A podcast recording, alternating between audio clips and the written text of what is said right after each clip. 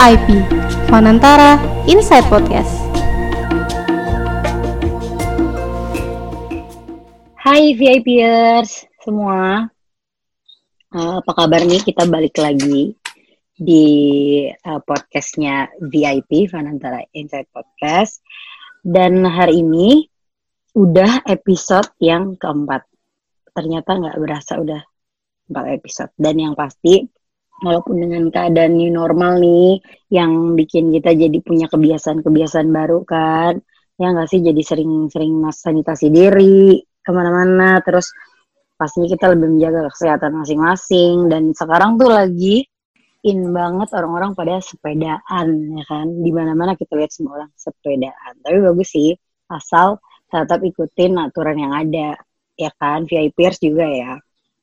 Nah Uh, seperti yang kalian tahu, kalau VIP kurang lebih akan selalu membahas tentang isu-isu lingkungan yang juga akan ditemani oleh para bintang tamu atau narasumber yang pastinya udah bisa dipercaya dan akan kasih kita informasi-informasi yang uh, pokoknya akan kalian tuh kayak oh ini nggak pernah dapet nih di mana-mana gitu. Dan hari ini kita kedatangan seorang wartawan senior kalau kalian sering baca berita yang ditulis sama wartawan ini nih, biasanya inisialnya ditulis Aika. Aik kalau di Kompas ya, pasti teman-teman pasti langsung ah, oh iya, yeah. tuh tuh udah pernah baca gitu. Nah tapi selain jadi wartawan ini, Mas Ahmad Arif ini, yang biasa kita panggil Mas Aik, ya sesuai isi inisial nama penulisnya. Mas Aik ini tuh seorang penulis juga, penulis buku, baru mengeluarkan buku juga. Nah, biar makin dalam ngobrol-ngobrolnya, kita langsung sapa aja kali ya. Halo Mas Aik, apa kabar? Mas Aik, boleh sapa VIP. Halo, apa kabar? Iya. Jadi kalau teman-teman mau ke kepoin tentang Mas Aik nih, uh, ada Instagramnya bisa di at Aik underscore Arif. Tapi aku nggak tahu ya, kira-kira akan di approve apa enggak temenannya sama Mas Aik. Tergantung Mas Aik. Nah, karena di sana tuh menurut aku di platform sosial medianya Mas Aik tuh banyak banget informasi mengenai pangan yang bakal kita bahas uh, hari ini. Yang tentunya anti mainstream karena Mas Aik juga kalau aku lihat postingannya bukan cuma posting asal posting, ketemu terus posting makanan enggak. Mas Aik juga uh, banyak mengolah pangan lokal untuk dikonsumsi sendiri dan keluarga dan aku lihat juga gitu mas Aik kadang-kadang berbagi resep juga ke teman-teman di sosial media gitu seperti pembahasan kita hari ini nih yang mengenai pangan lokal, food estate dan krisis pangan di tengah pandemi yang kita sedang lewati ini.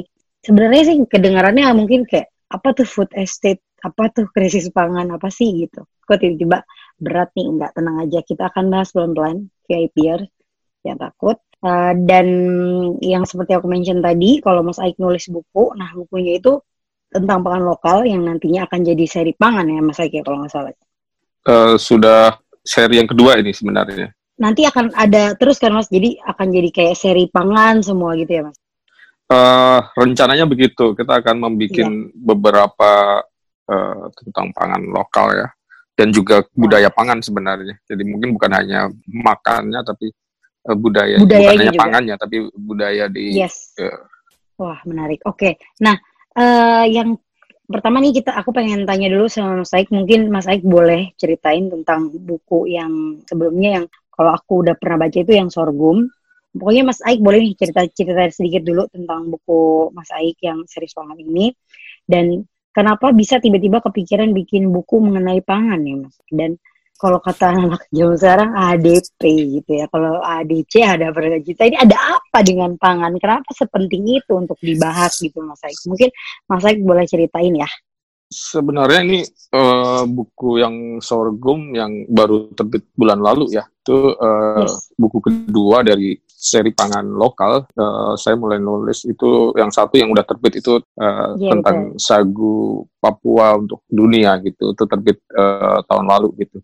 Jadi buku seri pangan lokal ini sebenarnya bukan tiba-tiba gitu. Jadi saya udah mendalami persoalan tentang pangan ini sebenarnya sudah cukup lama ya, tetapi terutama intens setelah 2011 sebenarnya. Jadi kebetulan sebagai wartawan saya itu sering banget keliling ke daerah-daerah ya dan mungkin hampir semua uh, daerah di Indonesia kalau provinsi kayaknya udah semua deh tapi uh, kabupaten juga banyak hampir sebagian besar sepertinya. Nah 2011 2012 itu saya selama satu tahun keliling Indonesia sebenarnya waktu itu uh, kebetulan saya memimpin namanya ekspedisi cincin api Kompas. Nah ekspedisi ini uh, sebenarnya sih lebih melihat ke bagaimana kondisi uh, geologi dan geografi Indonesia kaitannya dengan bencana alam sebenarnya.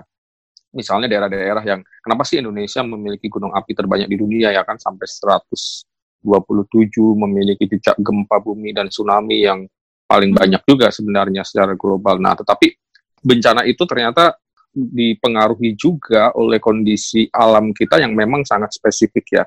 Jadi ada dua sisi sebenarnya. Satu sisi itu bencana yang sangat intens karena kondisi geologi kita yang ada di uh, pertemuan lempeng-lempeng besar dunia di antara uh, ada di kepulauan yang memang rentan gunung apinya paling banyak juga. Hmm. Uh, di situlah kemudian saya melihat uh, ini berkah keragaman hayati dan sumber daya alam yang yang luar biasa kaya ini sebenarnya mungkin merupakan berkah terbesar di Indonesia gitu kalau menurut saya waktu itu gitu. Jadi saya melihat di semua tempat yang saya datangi mulai dari Aceh sampai di Papua kemudian dan seterusnya itu memiliki uh, tiap tempat itu memiliki uh, ragam hayati yang berbeda, sebagian juga sama. Kemudian yang saya lihat itu juga mempengaruhi budaya lokal ya dan terutama adalah budaya kuliner juga gitu. Misalnya hmm. ketika uh, saya di Papua, ya saya kemudian kenal dengan sagu, dengan papeda di Ambon juga, dan hobi saya ketika ke daerah itu uh, ingin mencicipi pangan lokalnya ya, karena menurut saya ya dengan mengetahui pangannya kita akan memahami dengan lebih dekat mereka gitu dan dan seterusnya. Nah uh, dari situ kemudian saya lihat bahwa ini saya kebetulan kan besar di Jawa ya, tetapi ketika kemudian saya ke Papua saya merasakan yang berbeda, makan yang berbeda dan seterusnya. Nah saya melihat ini seharusnya menjadi potensi besar. Kenapa harus orang Papua makan beras, kenapa orang di Maluku juga sekarang makan beras atau makan mie instan dan seterusnya. Nah, Sejak itu saya kemudian mulai mulai mengumpulkan sih sebenarnya sedikit-sedikit mengenai ragam pangan itu, budayanya dan seterusnya. Dan kemudian saya mendalami mengenai uh, karena saya juga juga suka sejarah dan tadi kaitannya antara alam dan sumber daya hayatinya kemudian pelan-pelan saya mengumpulkan bahan menulis dan uh, sejak 2019 lalu setelah saya menulis buku-buku yang lain ya yang terkait sama cincin api tadi yang terkait sama bencana dan seterusnya saya mulai menulis tentang pangan lokal uh, karena menjadi ironi sekarang sehari-hari mungkin orang terutama orang-orang di kota ya dan di di Jawa terutama itu seperti tidak mengenal bahwa dia sebenarnya dulu juga memiliki ragam pangan yang lain misalnya kayak di Jawa sagu yang sekarang masih dikonsumsi sebagian orang di Papua atau di Maluku itu ternyata sebenarnya juga menjadi pangan penting dulu di Jawa gitu. Nah, itu saya temukan dengan ketika saya melacak ini ya sejarah budaya dan pangan di Jawa gitu.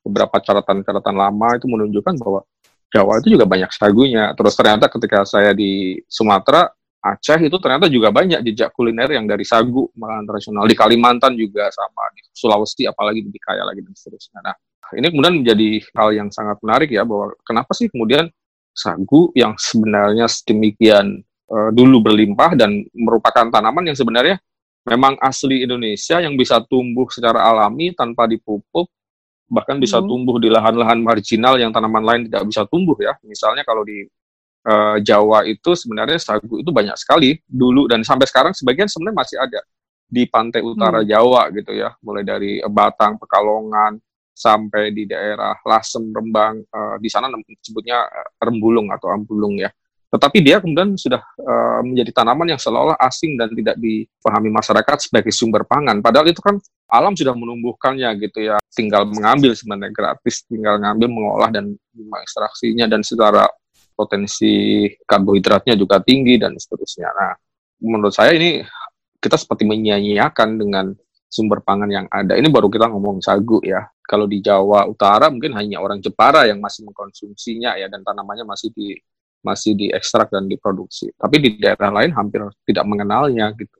Nah, hmm. sisi yang lain, uh, saya melihat Indonesia menjadi ironis sekali karena kita seolah-olah harus makan makan tuh harus beras ya harus uh, beras. sementara beras kita sendiri tidak cukup gitu kita harus tiap tahun harus impor tergantung impor dari Vietnam dari Thailand dari negara-negara lain belum lagi sekarang uh, ketergantungan impor pada tepung terigu misalnya atau pada gandum sebenarnya yang kemudian di Indonesia mm -hmm. terigu jadi mie instan dan berbagai macam produk yang lain yang kita sekarang menjadi salah satu pengimpor uh, gandum terbesar di dunia gitu ya sekitar 11 juta ton dua tahun lalu itu sudah udah dan nomor itu, satu di dunia.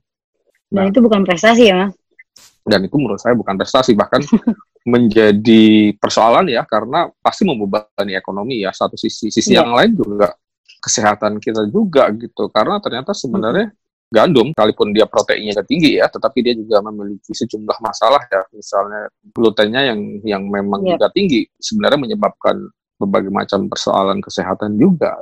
Nah, sementara pangan lokal kita yang sebenarnya berlimpah tadi salah satunya misalnya pati sagu yang hmm. uh, disia-siakan sebenarnya itu uh, gluten free misalnya dan uh, dari sisi kesehatannya misalnya juga tidak kalah bahkan sebagian malah jauh lebih baik ya. Banyak tepung lokal kita sebenarnya yang bagus kualitasnya tapi diabaikan nah karena dua hal itu gitu jadi satu sisi saya melihat berkah yang luar biasa yang ada di alam yang tersia-siakan di sisi lain saya melihat ada ironi ketergantungan pangan dari luar ya dari ekspor dan seterusnya ya. Nah itu yang membuat saya kemudian me menyampaikan ke masyarakat ya terutama masyarakat awam masyarakat luas ya terutama anak-anak muda dan seterusnya untuk mengenali lebih baik potensi pangan yang ada sebenarnya dan selama ini seolah-olah uh, dianggap rendah atau bahkan tidak dianggap gitu loh dalam yes. budaya kuliner kita gitu. Uh, tidak padahal, diperhitungkan.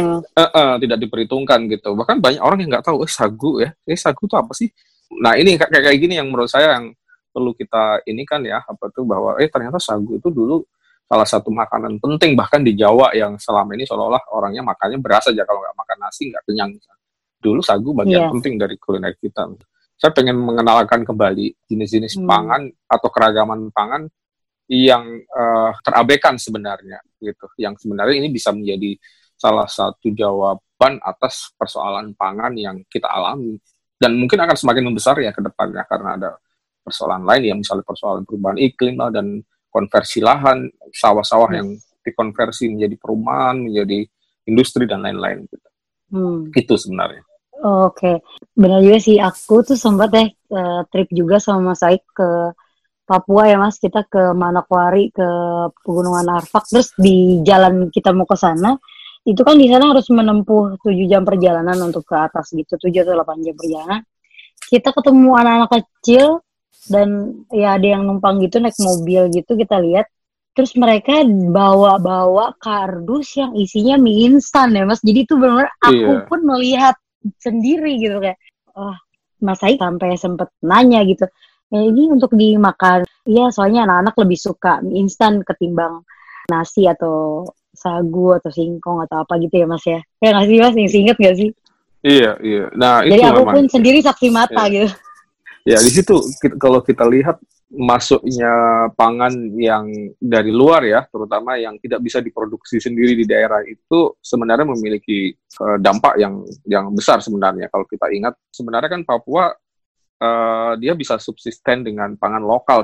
Kalau kita lihat sejarahnya Papua termasuk masyarakat yang uh, awal-awal misalnya melakukan revolusi pertanian dengan me berhasil mendomestifikasi sejumlah pangan lokal ya. Misalnya uh, umbi-umbian sagu hmm, dan seterusnya gitu. Yang itu sebenarnya ketika negara-negara uh, di daratan Asia ya seperti Cina Timur Tengah dan seterusnya mendomestifikasi biji-bijian ya. Jadi kan kalau padi itu kan didomestifikasi pertama di uh, Cina ya. Cina bagian selatan sekitar lembah sungai Yangtze ya sekitar 10.000 atau 8.000 tahun yang lalu nah, pada saat yang sama sebenarnya orang-orang Papua yang uh, sudah datang di 50 ribu tahun yang lalu ya dari uh, Afrika itu mereka manusia manusia-manusia awal yang mendomestifikasi uh, sagu dan juga umbi-umbian sebenarnya dan bahkan tebu juga di uh, pertama-tama adalah didomestifikasi di orang Papua. Tetapi sekarang kalau kita lihat ironis sekali masyarakat Papua yang puluhan ribu tahun uh, cara leluhur mereka mengkonsumsi uh, dan bertahan dengan tanaman-tanaman lokal mereka terutama adalah hmm. sagu untuk yang di daratan rendah dan di daratan tinggi seperti di pegunungan Arfak tadi adalah umbi-umbian ya, yang umbi-umbinya sebenarnya kaya sekali, ada keladi, banget, ada, mana ada, enak banget ya mas? Nah, makan iya enak banget. Nah, itu sekarang tergusur pelan-pelan oleh uh, mie instan dan ketergantungan pada beras yang itu sebenarnya tidak dikenal dalam budaya mereka. Konsekuensinya apa? Hmm. Kalau kita lihat, ingat nggak tahun 2018 lalu terjadi krisis uh, gizi buruk dan uh, kematiannya yeah. di Asmat ya. Ada 70-an satu anak kalau nggak salah waktu itu meninggal karena gizi buruk dan ini menjadi ironi banget ya karena Asmat itu sangat kaya dengan sagu sebenarnya. Dia salah yeah. satu daerah yang kaya dengan sagu, dengan uh, umbian dan lain. Jadi kalau saya kemudian melihat persoalan krisis pangan dan kurang pangan di Indonesia yang sebenarnya alamnya itu kaya dengan beragam sumber daya hayati tadi itu adalah karena krisis pengetahuan dan kesalahan kebijakan hmm. dalam pengelolaan pangan gitu ya. Jadi uh, hmm. ketergantungan pada pangan dari luar yang tidak bisa ditumbuhkan di daerah itu untuk daerah-daerah hmm. yang yang sebenarnya ada persoalan uh, distribusi dan ini yang bermasalah itu akan membuat karena dia tergantung dari luar, sementara distribusi belum tentu ini dan keaksesibilitas sosial ekonomi misalnya orang untuk membeli terus dari luar itu bermasalah sehingga uh, ini menyebabkan rentan masyarakat itu gitu. Kayak misalnya kalau masyarakat di Asmat belakangan karena mungkin perubahan selera pangan, perubahan pola hidup dan seterusnya membuat mereka uh, mengabaikan sagu mereka, mengabaikan keladi mereka tidak lagi menanam uh, uh, keladi dan umbi-umbian yang lain dan hmm. karena tergantung dari luar yang belum tentu bisa mereka peroleh setiap hari dan kualitasnya juga belum tentu lebih baik kan misalnya bahkan lebih buruk yeah. kalau kita lihat misalnya kalau konsumsi mie instan terus setiap hari pasti akan bermasalah misalnya. Di situ menurut saya titik poinnya di buku ini saya terutama yang buku tentang sagu Papua ya itu menunjukkan bahwa sagu Papua yang terbesar di dunia ya sebenarnya. Papua ini uh, 60% lebih sebenarnya cadangan sagu global itu ada di sana. Ada 4,7 juta hektar sagu di Papua ya. Hmm. Dan Papua Barat itu dengan juta hektar. Yang ini sebagian besar di antaranya itu mati dengan sia-sia ya karena tidak diambil maupun ya memang kemampuan mengambilnya kan juga terbatas ya. Nah ini yang menurut saya menjadi ironi ya. Sementara satu sisi kita jadi tadi seperti yang saya bilang kita pengimpor tepung gandum terbesar di dunia gitu. Sementara ada potensi pangan lokal yang sebenarnya sudah ada di alam kita yang bukan hanya di Papua di zaman dulu. Di zaman dulu tuh sagu itu ada di dari Papua sampai Aceh gitu. Dan itu kelihatan hmm. sekali jejak jejak kuliner sagu, masakan tradisional berbasis sagu itu ada di semua daerah di Indonesia kalau bisa di di Aceh iya, itu misalnya uh, kue timpan, uh, kalau di Kalimantan itu misalnya uh, ya mulai dari berbagai macam kue basah maupun pangan pangan pokok sehari-hari itu juga banyak yang berbasis sagu. Dan aku sempat ini kutipannya menarik banget dan mungkin nanti Fibers bisa dengar sendiri dan bisa baca juga dari Mas Aik. Penyeragaman pangan ternyata malah memicu kerentanan pangan, merusak kedaulatan tubuh, menghancurkan daya hidup dan budaya lokal serta merusak ekologi Indonesia sendiri. Ini tuh dalam banget ya. Jadi kalau teman-teman resapi dan kalau kita ngomongin pangan lokal, mungkin banyak juga nih masyarakat Indonesia yang kurang tahu sebenarnya pangan lokal tuh apa gitu dan apa aja sih jenis-jenisnya tadi mungkin kita beberapa, beberapa sudah nyebutin karena sekarang nih masyarakat terutama milenial lebih kenal tuh kayak pangan ya beras gitu. Yang dia tahu itu gitu. Misalnya banyak teman-teman aku yang justru kayak emang kita akan kenyang ya kalau makan uh, apa namanya sagu? Emang kita akan kenyang ya kalau kita makan ubi-ubian gitu? Dan kalau nggak makan nasi nggak kenyang gitu loh mas. Banyak yang punya filosofi kayak gitu. Dan mas Said nanti bisa bantu jelasin juga biar milenial nih VIPers juga bisa lebih kenal dengan pangan lokal gitu. Karena kalau aku pribadi udah sekitar uh, eh, 5 sampai 6 bulan ini aku udah stop konsumsi eh, beras dan nasi yang kayak gitu-gitu Mas yang kadar gulanya tinggi karena aku juga mencoba mencoba lebih makan ubi, lebih makan umbi-umbian yang kayak gitu. Kalau aku pribadi gitu, paling mungkin nanti Mas Said bisa bantu jelasin ya Mas.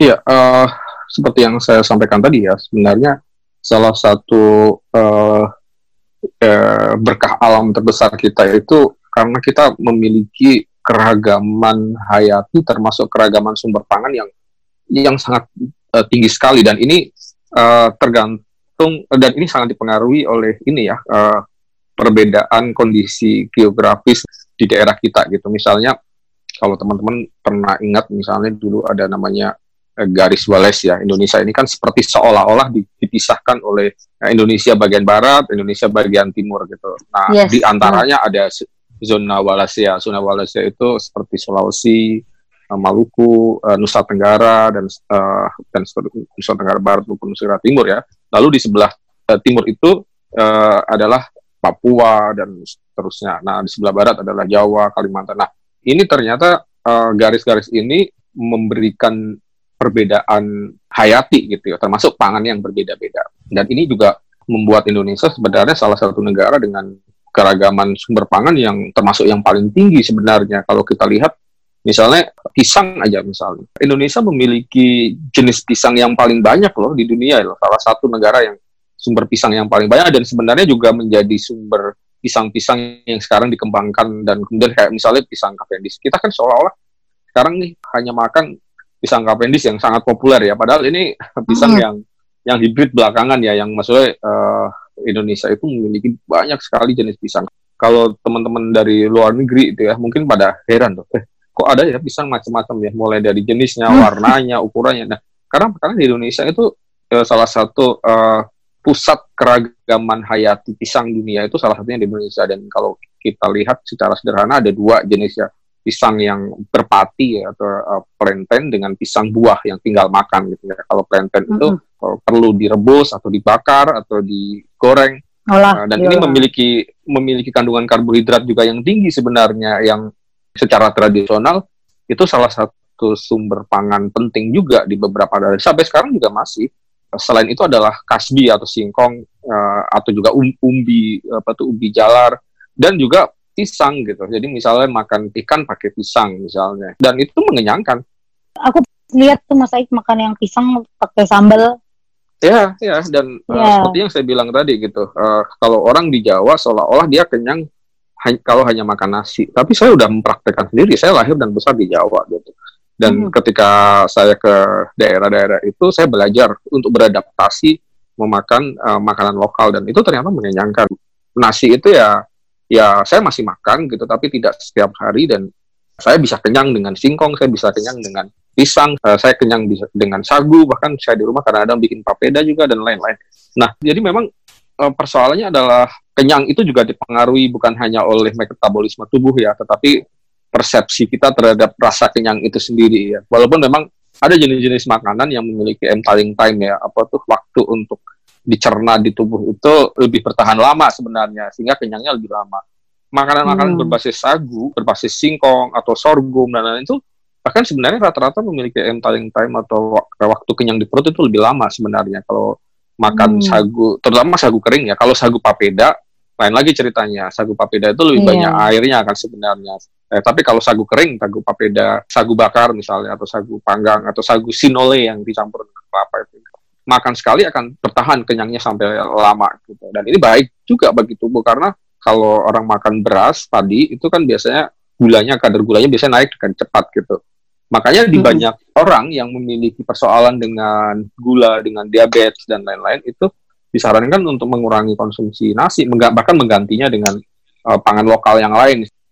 Kalau kita lihat, ya sederhana aja, orang Papua makan sagu aja, makan umbi aja, kuat-kuat, mereka bahkan lebih kuat tuh dibanding orang kota di Jawa misalnya dan seterusnya. Jadi ini hanya persoalan ini aja sih kebiasaan kita mengkonsumsi. Yes. Gitu. Kalau uh, orang Jawa mungkin seolah-olah aneh makan pisang kok sama sambal, makan pisang kok sama kuah ikan dan seterusnya misalnya orang Jawa dulu juga seperti seperti itu gitu. Saya ada data misalnya ya uh, sampai tahun 50-an ya orang Indonesia termasuk di Jawa itu sebenarnya beras itu baru dikonsumsi menjadi porsi makanan kita itu hanya sekitar 54 persen lah nggak uh, nggak dominan seperti yang sekarang gitu ya jadi uh, ada data misalnya tahun 54 itu ya sampai tahun 54 beras itu bahkan 53,5 persen ini data saya lalu uh, sisanya itu dipenuhi dengan berbagai macam jenis pangan lokal yang lain sebenarnya. Ada ubi, ada singkong, ada jagung, ada umbi-umbian yang lain, dan seterusnya. Baru kemudian setelah tahun 80-an lah, mungkin 70-an juga udah mulai. Kalau menurut saya pengaruh dari revolusi hijau ya, dengan dulu intensifikasi pertanian yang obsesi pada swasembada beras ya sebenarnya. Uh, swasembada kita itu dulu agak salah ya karena uh, seharusnya swasembada pangan tapi berbelok menjadi swasembada beras dan kemudian kan Orde Baru waktu itu uh, besar-besaran mengintensifkan padi gitu ya. Padi pun dengan padi sawah, uh, padi dengan intensifikasi pertanian dan lain-lain yang itu kemudian beras menjadi sangat populer dan menjadi komponen gaji pegawai, PNS, uh, tentara kalau uh, dan dan ini kemudian menyebabkan ada shifting budaya juga ya. Kalau tadi nih hmm. Mas Aik sempat hmm. cerita juga ternyata VIPers juga baru tahu kalau bisa kenyang makan pisang, singkong yeah. lah, ubi biak dan karena ini sebenarnya seperti Mas Mas Aik bilang masalahnya adalah karena ini tergantung dari kebiasaan kita aja gitu ya mas ini bisa yeah, kebiasaan. apa namanya kalau sudah mulai dimulai gitu ya nah aku sendiri juga setiap keluar kota akhirnya karena waktu itu uh, sempat ya kita sempat cerita-cerita juga aku sempat tanya juga ke Mas Said dan aku jadi melihat oh ya pangan tuh ternyata bukan hanya beras kita bukan hanya cuma bisa makan nasi doang gitu. Jadi aku tuh kalau keluar kota mencoba beberapa pangan lokal bahkan kadang-kadang aku ngetek ke Mas Aik nih makanan lokal di sini ini hmm. gitu. Karena itu sangat seru banget. Dan Mas Aik sendiri kan sangat peduli lah sama uh, dengan pangan lokal bahkan menjadikan pangan lokal itu menjadi gaya hidup sekarang ya Mas ya. Dan sampai menuangkan kita dan cinta terhadap pangan lokal melalui buku juga. Nah, menurut Mas Aik bagaimana sih kekuatan pangan lokal itu sendiri? Dan apakah sebenarnya pangan lokal kita ini dapat membantu uh, Indonesia keluar dari krisis pangan ke depannya? Karena seperti yang kita tahu kan Indonesia kayak pangan lokal gitu. Uh, bahkan ya setiap daerah punya pangan lokal masing-masing gitu. Dan kira-kira gimana? Bisa nggak mas ngebantu keluar dari krisis pangan kita ke depannya? Kalau semua orang diarahkan untuk makan pangan lokal gitu kira-kira gimana mas?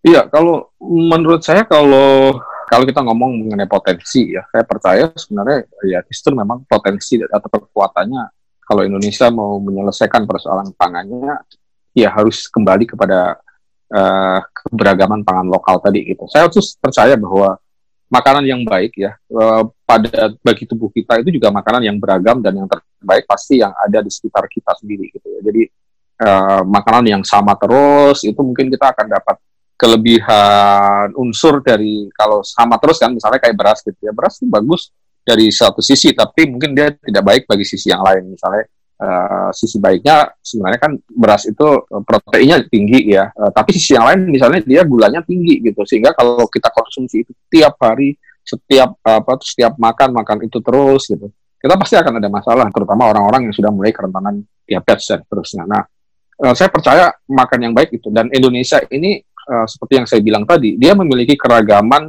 uh, agroklimat yang yang beda-beda di satu tempat. Misalnya uh, daerah yang cocok untuk uh, nanam padi ya, uh, ini kan juga sebenarnya tidak semua Indonesia sebenarnya, terutama padi sawah misalnya. Padi sawah itu uh, kenapa di Jawa dan Bali uh, padi itu tumbuh baik ya? Karena memang alamnya mendukung itu gitu. Karena uh, kontur di Jawa misalnya uh, banyak pegunungan, gunung api yang secara alami itu membuat uh, tanah di Jawa dan di Bali dan juga sebagian Sumatera ya itu kaya dengan unsur hara secara alami ya yang dulu sebelum dikenal kita kenal pupuk ya di situlah sebenarnya orang nanam padi tanpa pupuk dan juga air, airnya terdistribusi dengan baik ya karena ada kontur kemiringan air dari gunung mengalir dengan baik di daerah-daerah cekungan yang uh, airnya baik uh, uh, akhirnya menjadi cocok untuk padi tetapi sebenarnya kalau kita lihat sebagian besar daerah Indonesia itu lebih banyak lahan keringnya sebenarnya. Yang itu sebenarnya uh, apa sih yang bisa ditumbuhkan di lahan kering? Ternyata banyak. Jadi uh, banyak biji-bijian yang bisa tumbuh baik di lahan kering. Salah satunya adalah sorghum misalnya. Yang ini sudah beradaptasi lama dengan uh, kondisi agroklimat di Indonesia. Makanya jenis sorghum itu juga banyak sekali.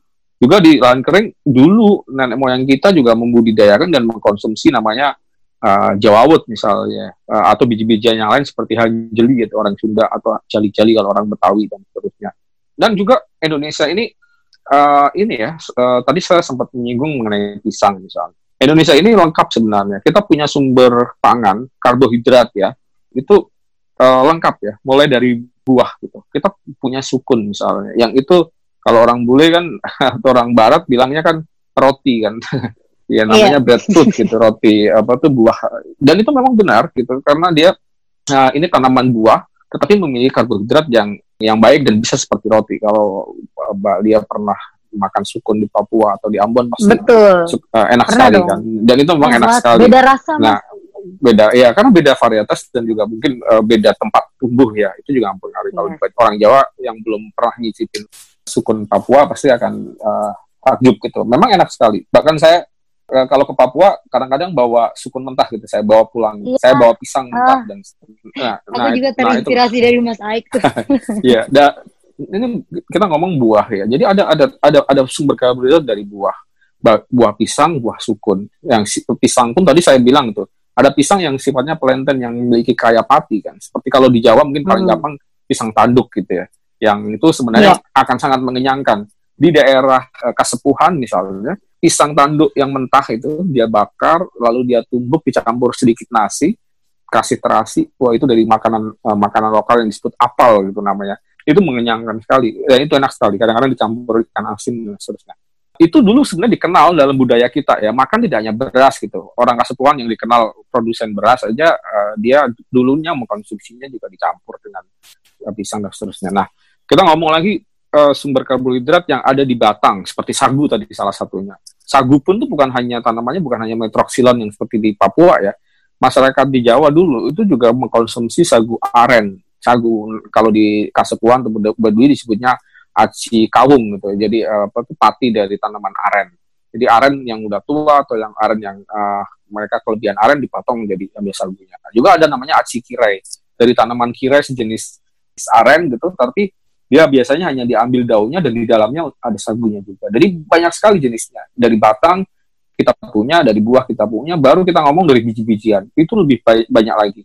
Seperti yang saya bilang tadi ada sorghum atau kalau orang Jawa bilangnya jagung cantel ya atau orang Sunda bilangnya gandrung gitu. Nah, lalu ada jawawut. Jawawut itu mile yang ini sebenarnya uh, jenis tanaman yang termasuk paling tua ya, biji-bijian paling tua yang dibudidayakan nenek moyang kita selain beras ya, selain padi ya lalu ada hanjeli atau jali-jali tadi uh, terus apalagi ya banyak sekali sebenarnya Ber yang berarti sebenarnya berarti sebenarnya bisa ya mas membantu kita keluar bisa, dari krisis pangan dengan iya. apa namanya banyak banget pangan lokal yang tadi uh -uh. ini aja belum disebutkan semua ya mas banyak belum ada umbi-umbian misalnya Yes. Umbi-umbian, umbi-umbian lebih kaya lagi tuh. Umbi, jadi uh -uh. kalau kita, kita lihat umbi-umbian di Indonesia itu mungkin salah satu yang terlengkap loh. Kita punya dari mungkin orang mungkin nggak tahu lagi ada ganyong, ada apa tuh garut, ada uh, banyak ya. ubi jalar aja macam-macam jenisnya. Keladi misalnya, kalau sekarang yang mm -hmm. populer sebagai salah satu makanan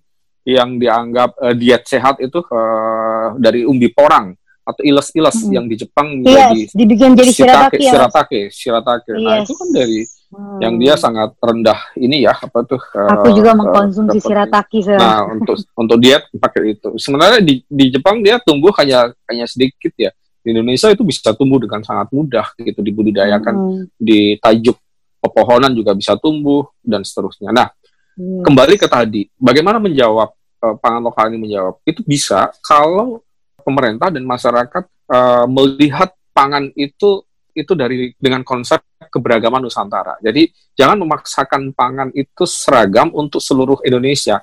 Uh, kita harus mudah melupakan swasembada, konsep swasembada beras kalau menurutku. Tapi uh-huh. harus kembali bahwa pangan itu ya Nusantara gitu. Daerah yang misalnya cocok dengan uh, sagu, misalnya di daerah rawa-rawa, daerah gambut, yang seterusnya, ya udahlah.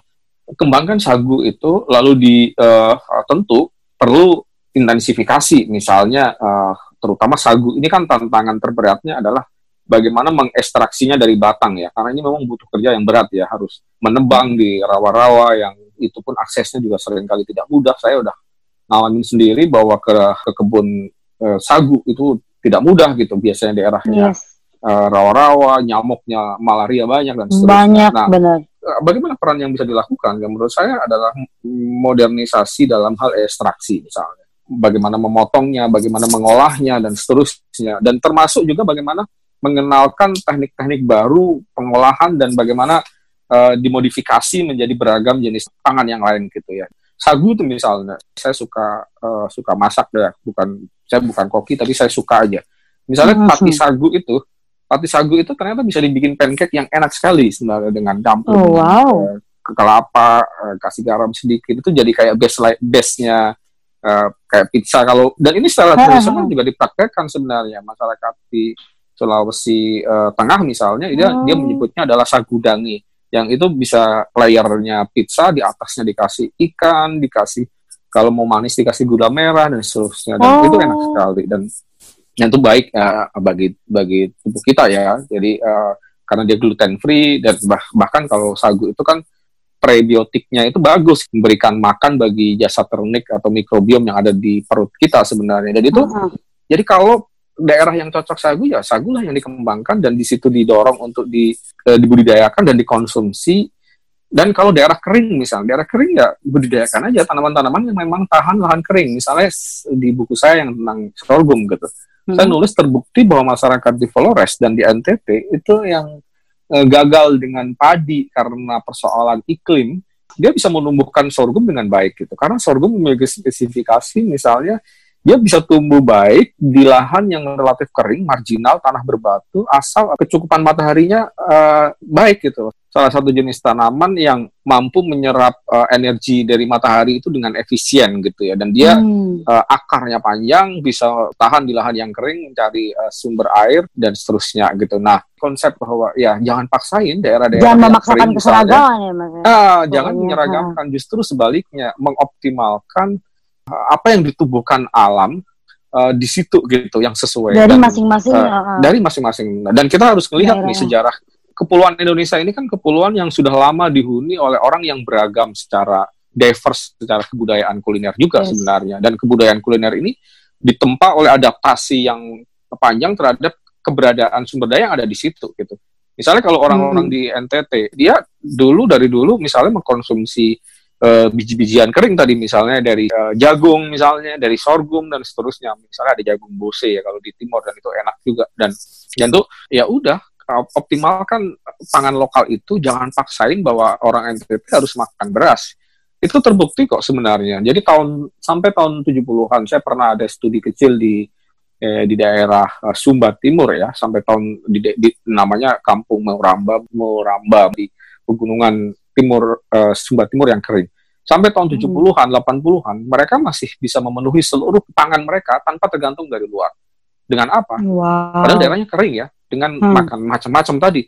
Ada makan, dia nanam sorghum, dia nanam padi ladang, dia nanam jawut dan macam-macam. Tetapi Hmm. setelah kemudian pemerintah mengenalkan eh, intensifikasi pertanian dan beras itu kemudian tadi menyebar Yes. luas ke Hmm. ini, mereka sekarang tergantung pada beras. Sementara beras itu tidak Jadi mampu kayak- ditumbuhkan dengan baik.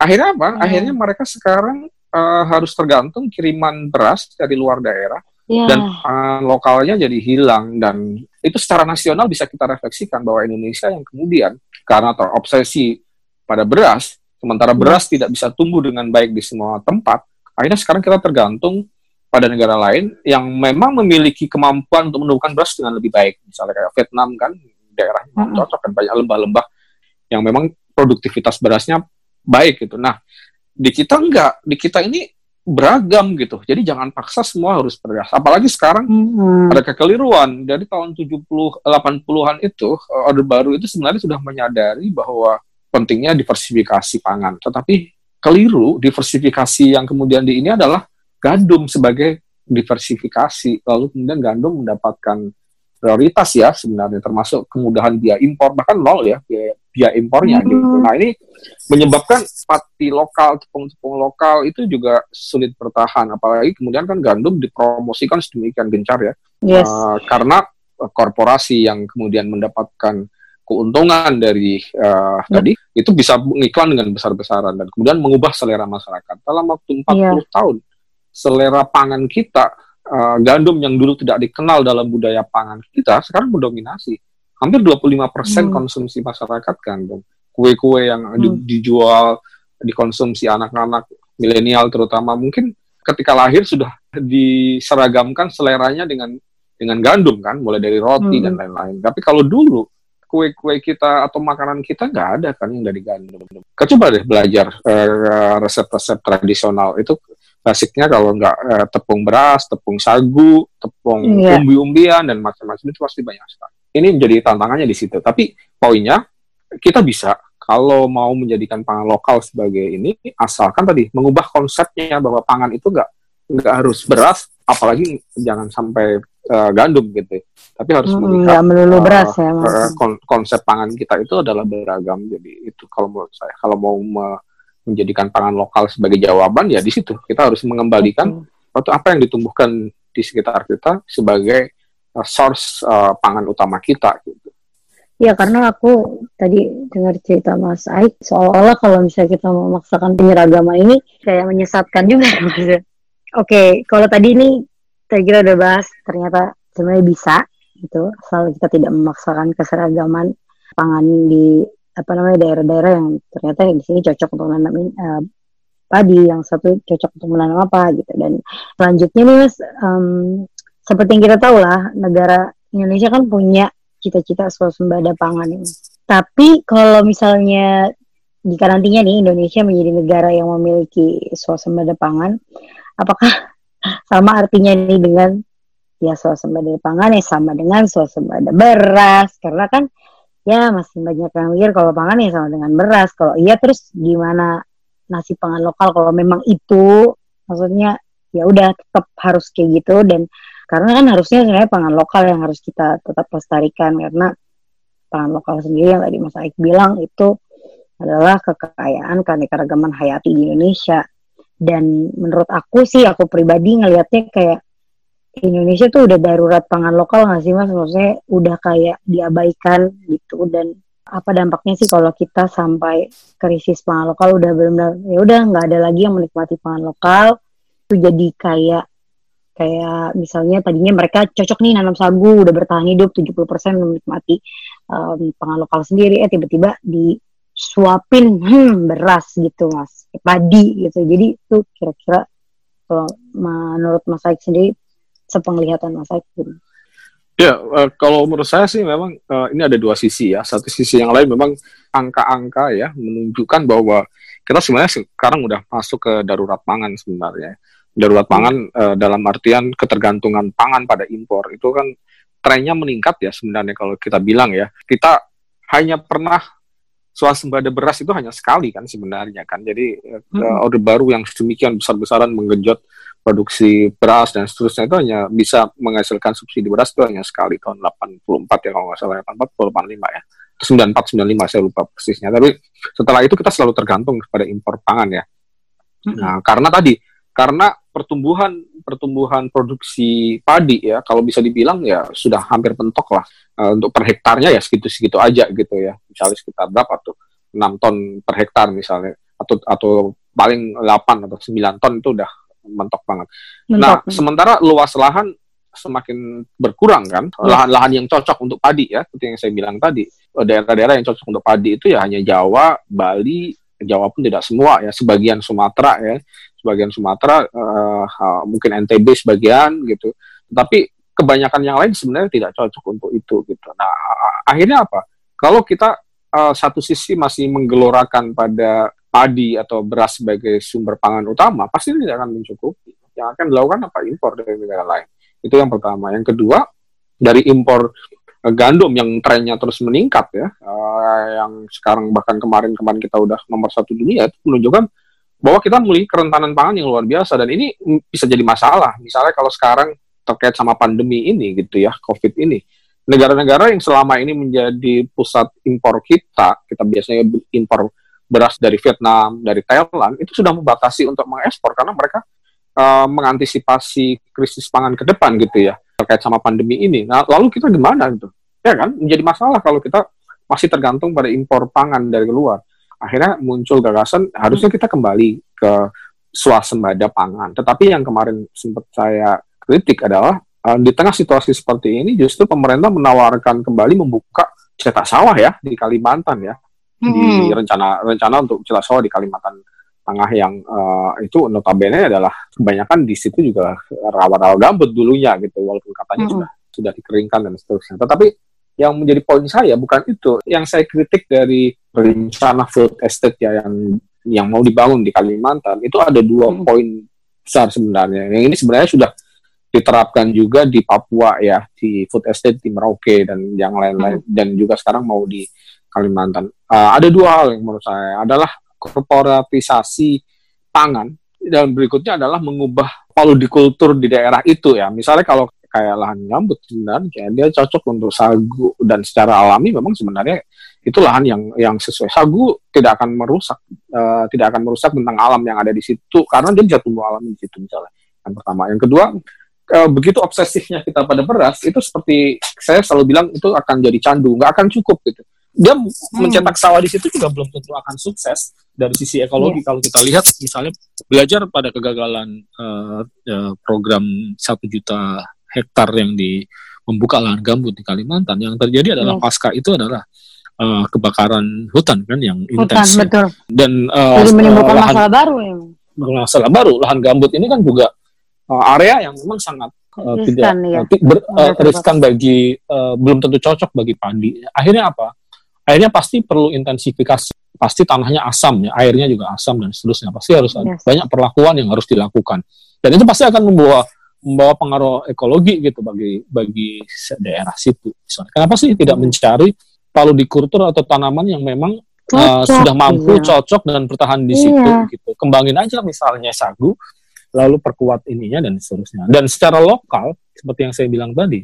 masyarakat masyarakat di situ itu sebenarnya sudah beradaptasi dengan itu. Kembangin aja budaya lokal di situ di upgrade aja teknologinya dan dan seterusnya gitu. Da, tetapi pemainnya masih orang lokal dan seterusnya ini sebenarnya kalau kita lihat misalnya food estate di ini ya di di Merauke kan juga mana sih hasilnya gitu nggak kelihatan hmm. kan dampaknya dibandingkan iya. mungkin dampak negatifnya gitu lahan-lahan sagu semakin terkurang masyarakat negatif Iya, masyarakat semakin tergantung pada beras, tetapi belum tentu e, bisa dipenuhi kebutuhannya. Saya melihat sampai sekarang belum ada perubahan kebijakan yang lebih baik ya. Kalau kita lihat kebijakan Kementerian Pertanian aja misalnya kan masih kebanyakan masih padi, jagung, kedelai atau disebutnya pajale ya yang produk tamal. Hmm, semoga uh, uh, semoga yang sekarang sudah sudah berubah ya. Pada prinsipnya saya saya mengkritik cetak-cetak sawah baru di lahan-lahan yang tidak sesuai kalau kita lihat misalnya cetak sawah baru ini kan juga terjadi ya di Papua. Saya beberapa waktu lalu ya tahun dua tahun lalu sebenarnya ke Raja Ampat ya. Ada pulau-pulau kecil yang di sana itu bahkan dibuka sawah baru oleh tentara ya waktu itu karena memang tentara dikerahkan pada periode yang lalu untuk membuka sawah-sawah baru. Dan ini ironis sekali sementara di sana eh, pulau-pulau kecil yang masyarakatnya subsisten dengan sagu gitu, tidak harus dengan padi e, mereka bisa makan misalnya justru dibuka sawah baru, mengubah bentang alam, mengubah budaya kuliner lokal.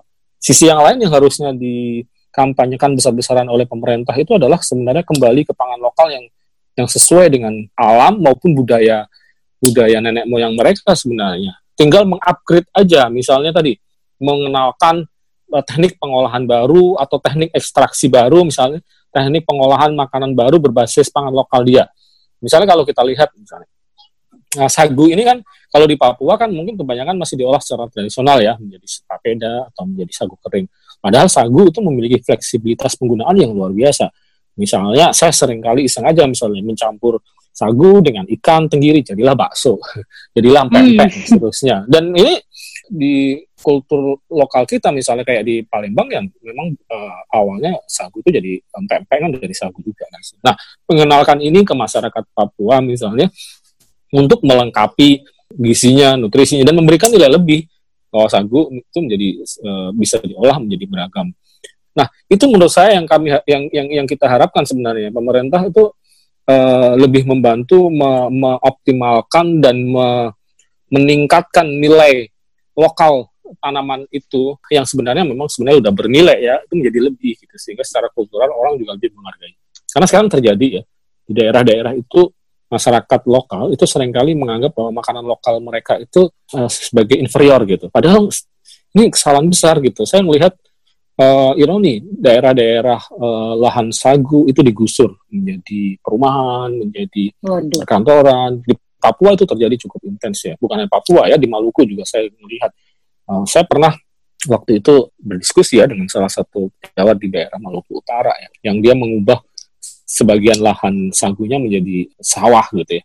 Saya tanya kenapa seperti itu? Karena tadi dia ingin pintar seperti orang Jawa dengan mak kalau makan beras gitu. Aneh juga gitu. Menurut saya ini ini, ini kesalahan uh, kultural yang yang fatal sekali uh. gitu. Secara ini orang Jawa makan kebanyakan makan beras ya jadinya diabetes malah. nah ini seharusnya kampanye yang dibangun, literasi yang dibangun itu adalah bahwa pangan lokal itu sudah terbukti memiliki uh, nilai lebih, memiliki kesesuaian dengan dengan alam, dengan budaya kuliner lokal, dan ini harus diupdate. Bahkan kalau bisa tadi diberi nilai lebih sehingga orang lebih appreciate terhadap apa yang dia punya. Nah, kebanggaan terhadap lokal ini sebenarnya bisa dimulai oleh kita sendiri mengapresiasi apa yang ada di sekitar kita. Terutama generasi hmm. milenial sih kalau menurut saya harus mulai Betul. menghargai lebih uh, tanaman-tanaman sumber pangan yang ada di sekitar dia. Karena kan makan ini kan soal selera ya, soal konsumsi, yes. kedaulatan pangan itu ya hanya bisa dimulai dengan kedaulatan lidah kita itu seperti yang disampaikan Betul. oleh Soekarno ya. Jadi uh, kalau dari kecil dia dikenalkan dengan uh, roti berbahan impor misalnya, selera dia dibentuk oleh itu. Itu akan lebih sulit mengubahnya dengan rag hmm. aneka ragam rasa ataupun bahan. Itu harusnya dikenalkan sejak sejak anak-anak ya di sekolah, hmm. di ini. Nah, ini iya. apa namanya nggak kalah hebohnya juga tadi mungkin Mas Aik juga udah sempat sebutin kalau kan pemerintah Indonesia sedang menyiapkan program seafood estate itu mas ya di Kalimantan Tengah. Hmm. Nah, VIPers ada yang udah tahu program food estate itu apa dan mungkin ada juga yang belum tahu kalau uh, apa sih ini food estate ini. Nah, sebenarnya kalau secara umumnya food estate sendiri adalah konsep pengembangan pangan yang dilakukan secara uh, interintegrasi mencakup pertanian, perkebunan bahkan peternakan di suatu kawasan mungkin lebih jelasnya lagi Mas Aik bisa nanti kasih tahu hmm, ke VIPers uh, mengenai ini. Dan tadi yang sebenarnya ini sudah dijawab oleh Mas Aik ya pertanyaan kita yang berikutnya ini. Karena kan aku tadi nanya bisa nggak sih mencegah Indonesia dari krisis pangan food estate ini? Tapi ternyata ya tergantung lahannya dan tergantung apa yang mau ditanam di lahan itu gitu. Bahkan nih katanya soalnya food estate ini digadang-gadang dapat menjadikan Indonesia sebagai mandiri pangan katanya tapi kayaknya menurut menurut aku kayak gak hoax nih ya mas karena sebelum-sebelumnya juga ya kita yang kita tahu kita lebih sering dengar dampak negatifnya gitu kira-kira gimana? Ya kalau menurut saya uh, poin saya ada dua ya kritik terhadap food estate yang pertama dari hmm. sisi uh, korporatisasi pangan ya yang ini sebenarnya uh, mungkin tidak cocok dengan konteks Indonesia ya. Jadi uh, yang kedua adalah dari sisi uh, ekologinya, dari sisi lingkungannya gitu. Nah, yang pertama uh, soal korporatisasi gitu. Di Indonesia ini sebenarnya kan mayoritas masyarakat kita ini kan juga sebenarnya kan masih petani dan petani itu dalam artian um, banyak juga kantong kemiskinan juga justru petani ya yang produksi pangan gitu uh, kita mungkin tidak bisa meniru dengan negara lain yang uh, food estate itu bisa berhasil ya, misalnya kayak di Australia atau di uh, Amerika yang kepemilikan lahan per orang atau atau ini bisa bisa sangat luas sekali gitu dan itu sehingga kemudian menjadi uh, satu petani bisa menjadi bisa bikin korporasi sendiri itu dan seterusnya. Nah kalau di Indonesia ini kan Uh, sebaliknya justru petani kita ini uh, lahannya kebanyakan lahan-lahan gurum, lahan kecil dan seterusnya. Kita bela bisa belajar sebenarnya dari kegagalan korporatisasi perkebunan sawit misalnya yang sebenarnya kalau kita lihat ini justru menjadi kontribusi terhadap persoalan mendasar di Indonesia itu adalah besarnya ketimpangan sosial ekonomi sebenarnya. Jadi Indonesia itu kan hmm. uh, masalah terbesarnya itu uh, adalah ketimpangan sosial salah satunya. Jadi orang yang kaya semakin kaya, yang miskin semakin miskin. Misalnya beberapa waktu lalu uh, ada studi dari Infit dan uh, Oxfam ya dan beberapa yang lain, kekayaan orang di Indonesia 100, 100 juta kekayaan uh, orang uh, harta orang miskin di Indonesia itu setara dengan hanya berapa tuh kurang dari 10 orang di Indonesia. Dan ini menjadi persoalan yang serius sekali sebenarnya. Uh, kalau saya makanya daripada food estate ya mending optimalkan aja masyarakat lokal yang ada di situ sebagai produsen uh, pangan. Nah, ini nyambung kedua ke persoalan keduanya. Misalnya ini adalah dengan jenis komoditas yang memang sesuai dengan daerah situ gitu. Alih-alih daripada menjadikan first estate sebagai uh, lahan korporasi untuk pangan memproduksi monoculture jenis tanaman yang belum tentu cocok ya lebih baik kalau menurut saya dananya atau programnya digunakan untuk mengoptimalkan produksi pangan yang sesuai dengan daerah situ yang mungkin bisa ditanami secara beragam tetapi didampingi aja petaninya di situ di-upgrade gitu loh, di-upgrade skalanya. Mungkin kalau yang sebelumnya punya lahan seberapa ditambahin uh, luasnya lalu dibantu mengoptimalkan pembudidayaannya sampai ke pengolahannya gitu. Jadi kalau kalau itu dilakukan, menurut saya itu jauh lebih masuk akal secara sosial, ekonomi maupun secara lingkungan gitu. Kalau daerah gambut ya optimalkan aja uh, sagu misalnya atau mungkin jenis buah-buahan dan beragam tanaman yang lain yang bisa bisa tumbuh dengan baik di di area situ gitu. Berarti si food estate ini kalau dari pandangan Mas Aik sendiri kurang cocok ya Mas kalau, kalau dikembangkan di Indonesia. Iya, iya, dari sisi tadi, dari kurang sisi tepat gitu mungkin ya, Mas. Iya, kurang tepat, tidak sesuai dengan memang ke, kepemilikan lahan dan seterusnya. Kalau kita belajar juga misalnya kegagalan pada mimpi food estate sebenarnya juga yang sudah pernah dicoba dengan membuka satu juta hektar lahan gambut di Kalimantan kan dulu kan mimpinya juga itu juga sebenarnya. Kalau kita hmm. lihat waktu itu menurut saya ini juga habis berpeluang melakukan pemborosan anggaran besar-besaran ya. Jadi kita ingat proyek lahan gambut satu juta hektar tahun itu 97 hmm. 98 itu Yes. Anggarannya itu sampai 1,6 triliun ya, dan itu hmm. kita nggak lihat hasilnya. Justru yang terjadi adalah mana? kebakaran hutan tiap tahun yang memang sangat intensif di daerah situ. Di rata-rata kebakaran hutan di Kalimantan itu terjadi di area-area bekas TLG yang kemudian terlantar ya, dan itu untuk biaya hmm. rehabilitasinya ada udah triliunan, mahal sekali dan sampai sekarang nggak selesai. Belum lagi dampak sosial, ekonomi, kesehatan bagi masyarakat yang ada di situ. Gitu. Jangan sampai menurut saya kita mengulang pada kesalahan yang sama uh, dan seterusnya. Dan kita juga harus kita perhitungkan sebenarnya dengan mengubah ekstraksi dan mengekstraksi alam dengan cara yang keliru itu juga bisa memicu selain persoalan uh, lingkungan ya, itu kan juga bisa persoalan yeah. keseimbangan iklim, bahkan juga munculnya zoonosis penyakit itu kan salah satunya karena uh, ekstraksi alam yang keliru kan misalnya. Menurut nah. saya sih itu sih jangan mengulang kesalahan yeah. yang sama yang sudah terbukti gagal, uh, Mbok ya berpikir lebih uh, uh, progresif ya. Uh, saya ya, khawatir bener. ini menjadi lahan-lahan apa tuh proyek aja gitu.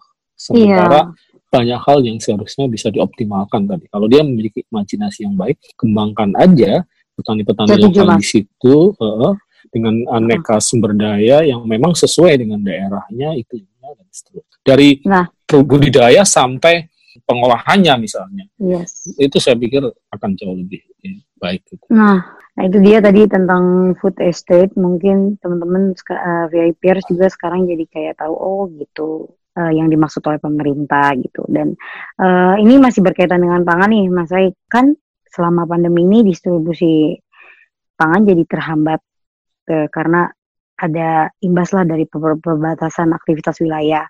Padahal kan selama ini pangan kita sangat tergantung dari impor beras negara-negara tetangga kayak Vietnam, yang tadi Mas Aik sebutkan juga sempat. Bagaimana sih menurut Mas Aik kondisi pangan Indonesia saat ini? Apakah sebenarnya kita mampu nih bertahan dengan kondisi seperti sekarang ini? Karena seperti yang dikatakan FAO, negara-negara pengimpor pangan dapat mengalami krisis pangan selama masa pandemi. Apalagi kita nggak tahu kapan pandemi ini berakhir gitu. Kira-kira gimana nih Mas? Akan terjadi ya, nggak ya, sih kayak gitu? Bisa terjadi kalau wabah ini berkepanjangan kan dan sepertinya bisa seperti itu karena uh, banyak sudah mewarning bahwa wabah ini mungkin bisa belum uh, belum akan selesai paling cepat misalnya sampai tahun pertengahan tahun depan aja belum tentu selesai. Belum hmm. lagi nanti imbasnya ya mungkin bisa sampai bertahun-tahun ke depan. Uh, kalau kita tidak segera mengubah konsep uh, tadi ya konsep pangan kita ya masih pada orientasi pada beras dan seterusnya apalagi uh, me me mencoba menutupi kekurangannya dengan impor beras itu kayaknya akan menjadi berat gitu dan harga hmm. pangan juga bisa naik ya uh, kalaupun kita impor mungkin harganya akan mahal dan itu pasti dengan ekonomi kita yang seperti ini akan menjadi beban besar gitu sementara sisi yang lain yang seperti yang saya bilang tadi alam kita itu kaya sekali gitu jangankan 50% kayaknya uh, tersedia apa tuh keberlimpahan sagu di Papua itu yang termanfaatkan mungkin hanya sekitar 25 persen gitu ya. E, sisanya mana? Sisanya mati sia-sia gitu. Sisanya terbuang sia-sia karbohidrat e, yang yang baik kualitasnya sia-sia. E, itu baru ngomong sagu. Kalau kita ngomong yang lain misalnya secara sederhana misalnya kalau gerakan uh, menanam pangan lokal ini diintensifkan, lalu pembudidayaannya intensif dan kemudian pengolahan distribusinya diperbaiki, termasuk juga pengolahan produknya itu ditingkatkan, saya pikir ini menjadi peluang yang sangat besar sebenarnya. Ini menjadi masalah ya sering kali kalau untuk masyarakat di desa, pangan lokal ini menurut saya tidak ada masalah dalam hal ketersediaan. Karena kalau kita lihat gampang sekali kan sebenarnya menumbuhkan uh, ubi, menumbuhkan singkong. Itu kan tanaman-tanaman yang sangat mudah di, dibudidayakan sebenarnya secara umum ya. Uh, kalau padi itu kan proses penanamannya kan rumit ya, harus uh, disemai, dibenih, di, uh, dirawat dengan air yang cukup, mungkin malah pupuk yang baik. Kalau singkong, kalau ubi dan seterusnya itu kan gampang sekali sebenarnya ditumbuhkan. Kita tanam di depan pekarangan kita akan tumbuh dengan baik. Kalau di masyarakat desa, kalau gerakan ini digalakkan ya kembali kepada penanam aneka jenis pangan lokal, uh, ini menjadi menurut saya bisa menjadi kekuatan dan mungkin mereka memang tidak ada masalah dengan dengan kecukupan. Mungkin masalah di kota ya. Kalau kita lihat misalnya ketersediaan pangan lokal di di kita di kota ya terutama. Itu tidak mudah ya sebenarnya mengakses. Bahkan harga pangan-pangan lokal ya itu tidak semurah semurah. Bahkan uh, kalah dengan beras ya karena memang beras juga disubsidi kan sebenarnya kan. Tetapi harga bumbian misalnya kalau di supermarket itu satu kilogram uh, ubi jalar itu sudah sama seperti beras bahkan lebih mahal ya sekitar empat belas ribu kalau di market kalau di pasar sih bisa lebih murah. Nah ini uh, kembali lagi ke ke kebijakan yang harus dibenahi. Kebijakan dalam hal uh, budidaya tadi, pemerintah harus menggalakkan hmm. kembali nih masyarakat lokal untuk membudidaya uh, aneka jenis tanaman lokal yang ada gitu ya di desa-desa, hmm. di sumber-sumber produksi itu harus dioptimalkan kembali. Lalu memperbaiki jaringan distribusinya karena sering kali uh, masyarakat desa uh, itu uh, setelah menanam singkong misalnya menjualnya susah dan seterusnya ya sehingga harganya kemudian jatuh dan seterusnya. Ini menyebabkan mereka malas lagi menanamnya. Nah, tapi satu hal yang paling penting menurut saya adalah pengolahan pengolahan pasca panennya itu harus diperbaiki. Kalau umbi-umbian umbi-umbian itu kan tidak memiliki kemampuan untuk bertahan cukup lama sebenarnya. Kalau dibandingkan dengan beras misalnya ya padi kan bisa begitu kering di ini bisa tahan lama. Tapi kalau singkong kan tidak. Tetapi menjadi pati atau menjadi tepung. Gitu. Nah begitu menjadi tepung sebenarnya misalnya tepung singkong, tepung ini apalagi sekarang sebenarnya ada tepung mokaf ya singkong yang sudah difermentasi dan kemudian menjadi kualitasnya sebenarnya uh, bisa diolah menjadi macam-macam roti dan lain-lain. Nah, ini menurut saya yang harus ditingkatkan. Jadi bagaimana uh, memberi nilai lebih pasca panen tanaman-tanaman lokal itu sehingga dia bisa didistribusikan secara lebih baik ke daerah ke perkotaan, ke daerah-daerah lain gitu. Nah, tetapi kembali lagi, kalau pemerintahnya mau misalnya ya, bahkan mewajibkan uh, importir gandum misalnya mensubstitusi sebagiannya dengan uh, tepung lokal misalnya, taruhlah 20 persen tepung terigu yang beredar di Indonesia itu di ditambahi dengan tepung lokal 20%, itu sudah luar biasa.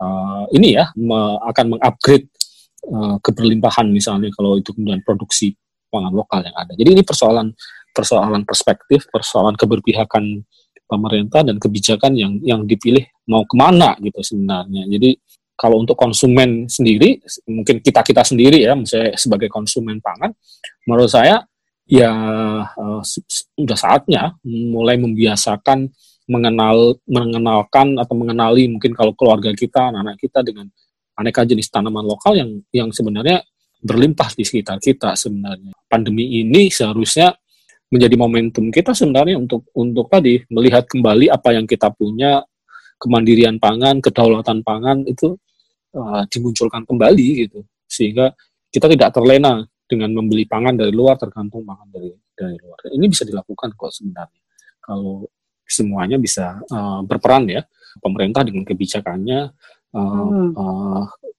konsumen juga dengan mengubah seleranya yang ini mungkin tidak mudah ya awal-awalnya tapi yakin dah coba deh kalau ngerasain misalnya pancake sagu, pancake yeah.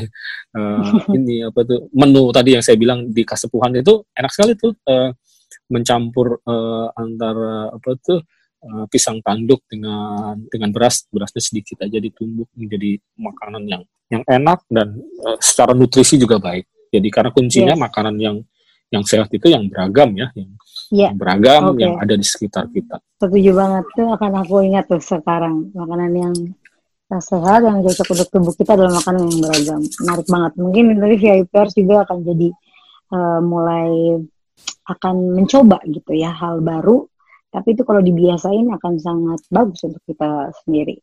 Dan uh, ini Mas Aik nih pertanyaan terakhir.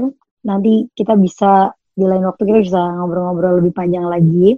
Karena Mas Aik tuh sangat benar-benar uh, kalau mengenai pangan aku pasti akan langsung cari Mas Aik. Karena uh, hmm. Mas Aik juga lebih banyak mengetahui mengenai pangan sendiri. Dan ini terakhir um, Mas Aik Uh, hmm. apa sih yang Mas Aik ingin sampaikan juga untuk masyarakat dan juga milenial tentunya terkait pangan lokal dan pesan apa sih yang disampaikan yang Mas Aik sampaikan juga melalui buku Mas Aik agar ke depannya nih masyarakat dan uh, teman-teman milenial, kayak peers nih yang lagi dengerin agar lebih tertarik juga kepada pangan lokal gitu. Iya, uh, menurut saya uh, terutama kalau untuk teman-teman milenial ya, menurut saya yang perlu pahami uh, tentang pangan itu adalah kita sebenarnya uh, kegagalan kita mengkonsum apa tuh uh, yang pada posisi sampai krisis pangan saat ini itu karena kita gagal memahami uh, alam kita yang beragam ini dengan baik. Satu sisi dan sisi yang lain kita gagal uh, memahami sejarah kuliner kita gitu. Jadi kalau kita memahami bahwa Indonesia ini beragam, baik alam maupun uh, sejarah kulinernya, kita akan jauh lebih menghargai keberagaman pangan kita dan mengkonsumsinya sebagai sesuatu yang mengkonsumsi keberagaman tadi itu menjadi lebih hmm. uh, menghargai gitu. Jadi jangan lagi beranggapan bahwa uh, makanan yang baik itu uh, beras saja roti, apalagi roti gandum dan lain-lain. Tapi harus menghargai pangan yang ada di sekitar kita itu dengan setara gitu, bahwa masing-masing uh, dan yang terbaik tadi seperti yang saya ingat, oh yang terbaik itu yang ditumbuhkan oleh alam sekitar kita. Dan ini juga menjadi kunci penting bagi upaya untuk mengatasi perubahan iklim ya. Sebenarnya pangan lokal itu juga elemen yang sangat penting karena semakin panjang rantai distribusinya, artinya energi yang dikeluarkan untuk membawanya kan semakin panjang kan. Misalnya kalau kita mengkonsumsi gandum yang diimpor dari eh, Amerika, diimpor dari Australia atau Eropa misalnya, eh, energi untuk membawanya kan sebenarnya itu emisi karbonnya kan pasti akan besar ya karena itu logistik. Yeah. Sementara di sekitar kita ada tanaman yang bisa uh, yang tumbuh dan disediakan alam tanpa energi besar untuk atau emisi besar itu ya misalnya yang tanaman lokal tadi yeah. yang alami dan lain-lain. Nah, uh, menghargai pangan lokal, mengkonsumsinya dan menghormatinya setara dengan pangan-pangan yang lain misalnya itu menurut saya adalah uh, kontribusi besar kita bagi bagi bangsa sebenarnya dan juga bagi lingkungan ya. Lingkungan termasuk terhadap terhadap bumi terhadap perubahan iklim. Uh, yakin deh kalau membiasakan untuk mengkonsumsi ragam-ragam pangan yang ada di sekitar kita pangan-pangan lokal itu uh, saya sudah mempraktekkannya dan saya pikir uh, itu menjadi lebih sehat ya bagi saya bagi saya. Dan uh, saya yakin teman-teman juga akan dapat manfaat juga sebenarnya. Iya, jadi lebih ke kebiasaan ya Mas ya? Kebiasaan ya, dan iya, itu bisa okay. kok di ini. Hmm. Sangat bisa, oke okay, kalau gitu. Mas Aik, sebelumnya terima kasih sudah bergabung di Fanantara Insight Podcast. Uh, apa-apa nanti mungkin kita uh, teman-teman yang mau tanya-tanya tentang pangan mungkin bisa kali ya, boleh nggak sih nanya-nanya ke Mas Aik lewat sosial media atau ya boleh ya? Oke, okay. Kalau gitu terima kasih Mas Eki sudah gabung di VIP hmm, dan terima kasih juga sudah baru bagi informasi mengenai pangan lokal. Pokoknya banyak banget hal yang menarik yang tadi kita dapetin seperti ternyata kita tuh makanan pangan yang baik untuk diri kita itu adalah pangan yang beragam gitu. Jadi kita jangan hanya terpaku sama beras, jangan hanya terpaku sama nasi, masih banyak banget pangan yang bisa kita nikmati. Dan seru banget nih pembahasan kita hari ini. Cuman kita sekarang sudah di penghujung obrolan kita nih sama Mas Aik. Terima kasih juga lagi. Pokoknya semoga semakin sukses ya Mas Aik untuk ya, -sama. juga karirnya dan tetap jadi inspirasi untuk para penggerak perubahan lingkungan tentunya. Semoga kita bisa ada nanti episode berikutnya bicara-bicara seru lagi tentang pangan. Dan buat hmm. VI players jangan lupa Panantara Insight Podcast bakal hadir di setiap hari Rabu. Jadi siap-siap dengerin obrolan kita soal lingkungan dan hutan karena menjaga lingkungan dan hutan bukan hanya tugas pemerintah ataupun petugas yang berwajib. Jadi kita semua yang manusia dan individu yang hidup di bumi ini punya kewajiban itu. Oke, sampai di sini dulu episode VIP hari ini. Kalau ada kritik dan saran bisa kalian kirim ke DM Instagram kita @sanantara_com. Sampai jumpa di episode selanjutnya. Oh ya, kalau kalian punya uh, pangan lokal dari masing-masing daerah kalian, foto dan tag kita ya. Terima kasih VIPers. Sampai jumpa.